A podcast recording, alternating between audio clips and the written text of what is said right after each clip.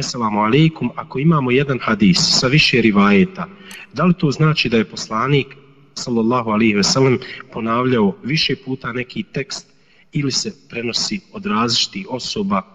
isti tekst na različite načine? Ako je hadis prenešen od različitih ashaba,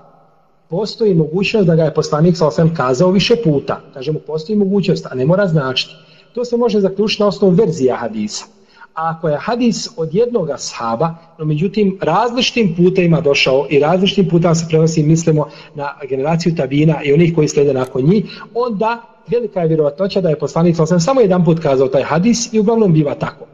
Tako da kada dođu različite verzije hadisa, mi smo dužni da prikupimo verzije hadisa, jer ponekad neki ravija prenosi hadis u značenju. Ne prenosi ga doslovno, nego ga prenese u značenju. Pa ga je neko prenio u skraćenoj formi, a neko u potpunijoj. Imam Buharija, na, recimo u svome sahihu spominje jedan hadis na više mjesta. Pa je tako jedan hadis spomenuo na 36 mjesta i napravio 36 različitih pogleda na osnovu tog hadisa pa ga u jednoj verziji prenosi skraćeno, u drugoj potpunije, u trećoj u nekakvoj srednjoj formi tako dalje. Pa smo dužni da sakupimo te verzije i da sagledamo znači koja je verzija najpotpunija i da se uzme ta znači najpotpunija verzija, jer uvijek u različitim verzijama ima dodataka riječ ili dvije koja nam daje novi propis ili, ili usmjerava opće značenje hadisa i tako dalje. Tako može postojati mogućnost da je kazan hadis više puta, ali uglavnom jedan hadis biva kazan jedan put, a kako ćemo znati da li je kazan jedan put ili više puta, znaćemo tako što ćemo prikupiti sve puteve tog hadisa od jednog ashaba ili od različitih sahaba ako se prenosi i nakon toga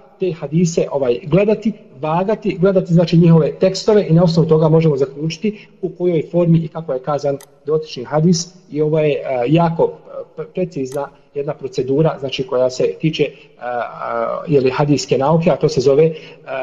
telfiq, telfiq turuk, terfihu turuk al hadis, a to je znači spajanje različitih puteva hadisa u jednu cijelinu i tako da se napravi jedan novi hadis. Ulema je neka zabranila znači da se pravi uh,